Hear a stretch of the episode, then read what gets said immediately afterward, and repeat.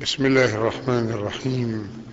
الحمد لله رب العالمين والصلاة والسلام على سيدنا محمد وعلى آله الطيبين وأصحابه المنتجبين وعلى جميع الأنبياء والمرسلين.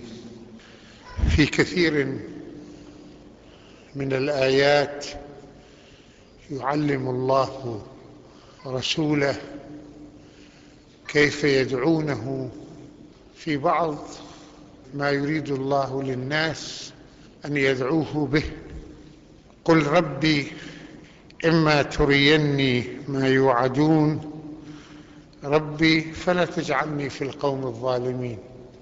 إن الله يريد من الرسول عليه الصلاة والسلام أن يكشف عن بصره في يوم القيامة.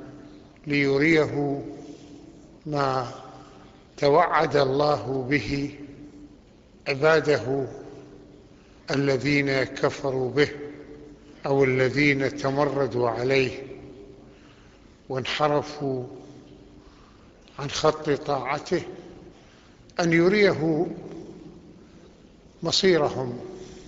وهكذا أن يريه مصير الذين أطاعوه. والذين آمنوا به. ثم يدعو الله سبحانه وتعالى ويستجير به أن لا يجعله في القوم الظالمين الذين ظلموا أنفسهم بالكفر أو بالشرك أو بالمعصية. قل ربي إما تريني ما يوعدون ربي فلا تجعلني في القوم الظالمين.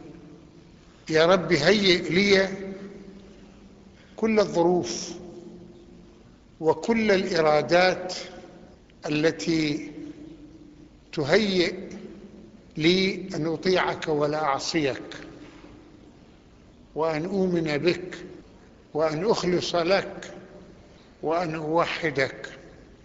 والله سبحانه وتعالى يستجيب له فيقول له وإنا على أن نريك ما نعدهم لقادرون فالله هو ولي الدنيا والآخرة وهو الذي يحشر الناس إليه يوم القيامة ممن عملوا خيرا أو ممن عملوا شرا وهو القادر على أن يريه مصير هؤلاء جميعا. ثم الله سبحانه وتعالى يوجه رسوله في المسألة الأخلاقية عندما يصطدم بالناس الذين يسيئون إليه إما الذين يقفون في وجه رسالته أو الذين يسيئون إليه بالكلمة القاسية. إن الله يقول له ادفع بالتي هي أحسن السيئة. إذا واجهتك السيئة من كل هؤلاء فلا تتبع الفعل برد فعل. لا تتبع السيئة بالسيئة. لأن كثيرا من الناس الذين يسيئون إليك قد يكونون من الجاهلين وقد يكونون من الغافلين وقد يكونون من الناس الذين خضعوا لبعض الأوهام وبعض الأفكار ولذلك أعطهم فرصة. ادفع بالتي هي أحسن السيئة. لتكن كلماتك الكلمات الفضلى ليكن أسلوبك هو الأسلوب الحسن وليكن تعاملك معهم تعامل الإنسان اللين القلب اللين اللسان. ادفع بالتي هي أحسن السيئة.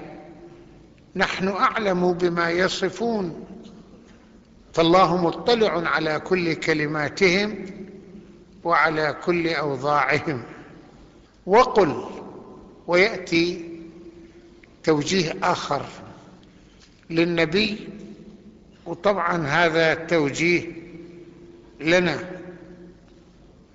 وقل رب أعوذ بك من همزات الشياطين.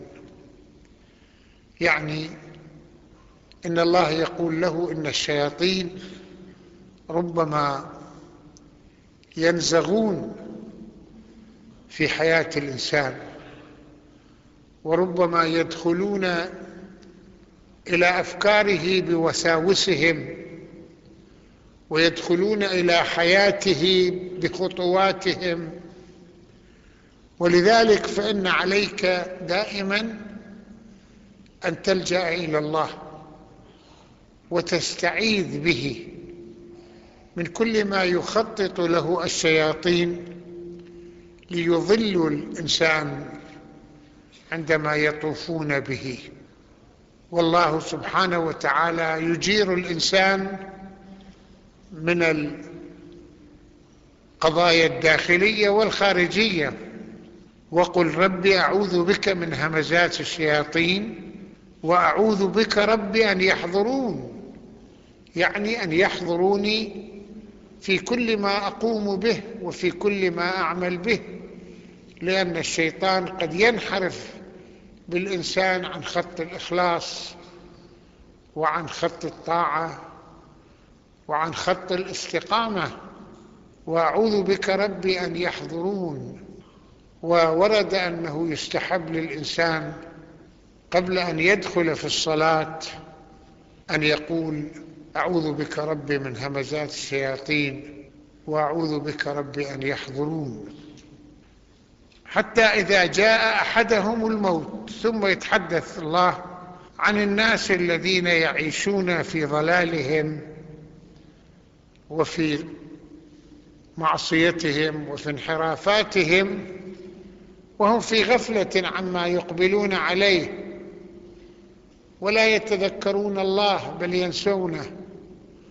ولا يتذكرون أن الموت قادم عليهم إن عاجلا أو آجلا. ولذلك يفاجؤون بالموت لأنهم لم يكونوا مستعدين له. وعندما يقبلون على يوم القيامة ويرون أهوال القيامة وما أعد لهم من العذاب من خلال غضب الله عليهم وسخطه عليهم.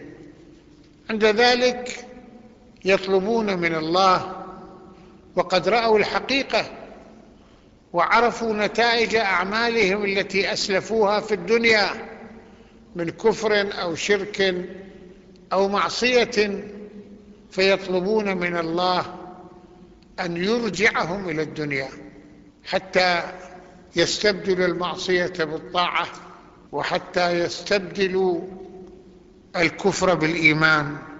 حتى إذا جاء أحدهم الموت قال ربي أرجعوني لعلي أعمل صالحا فيما تركت لعلي أغير وأبدل مما تركته وأسلفته عندما كنت في الدنيا.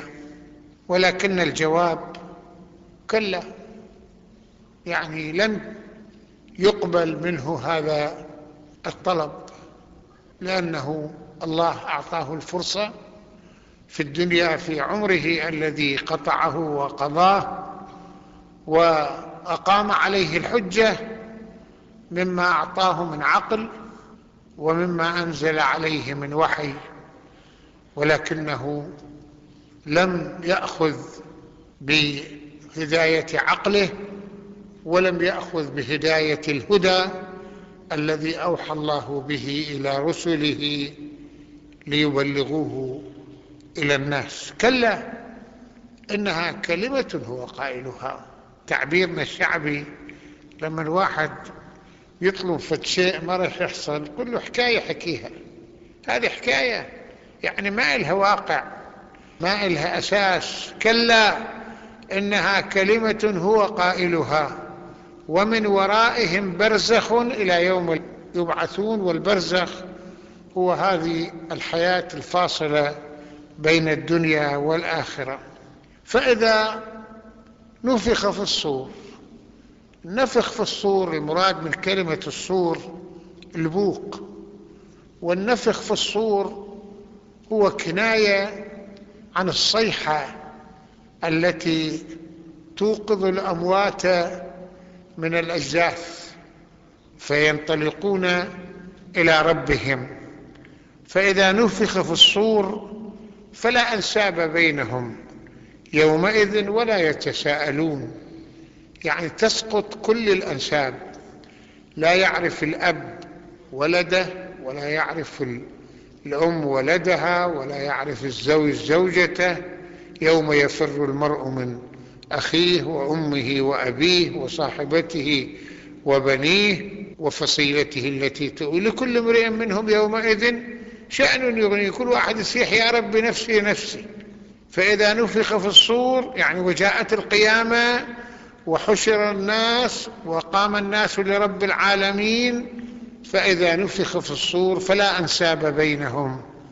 يومئذ ولا يتساءلون لا يسأل بعضهم بعضا لأن كل شخص مشغول بنفسه فمن ثقلت موازينه يعني بالأعمال الصالحة ميزان الأعمال الصالحة فأولئك هم المفلحون لأن ثقل الميزان وميزان الأعمال بما عملوه من الخير ومن الصلاح في الدنيا ومن خفت موازينه لما خلوه بالميزان رأسا أشر هيك لفوق فأولئك هم الذين خسروا أنفسهم في جهنم خالدون لأنهم لم يستعدوا للقاء الله ولم يأخذوا بأسباب طاعته.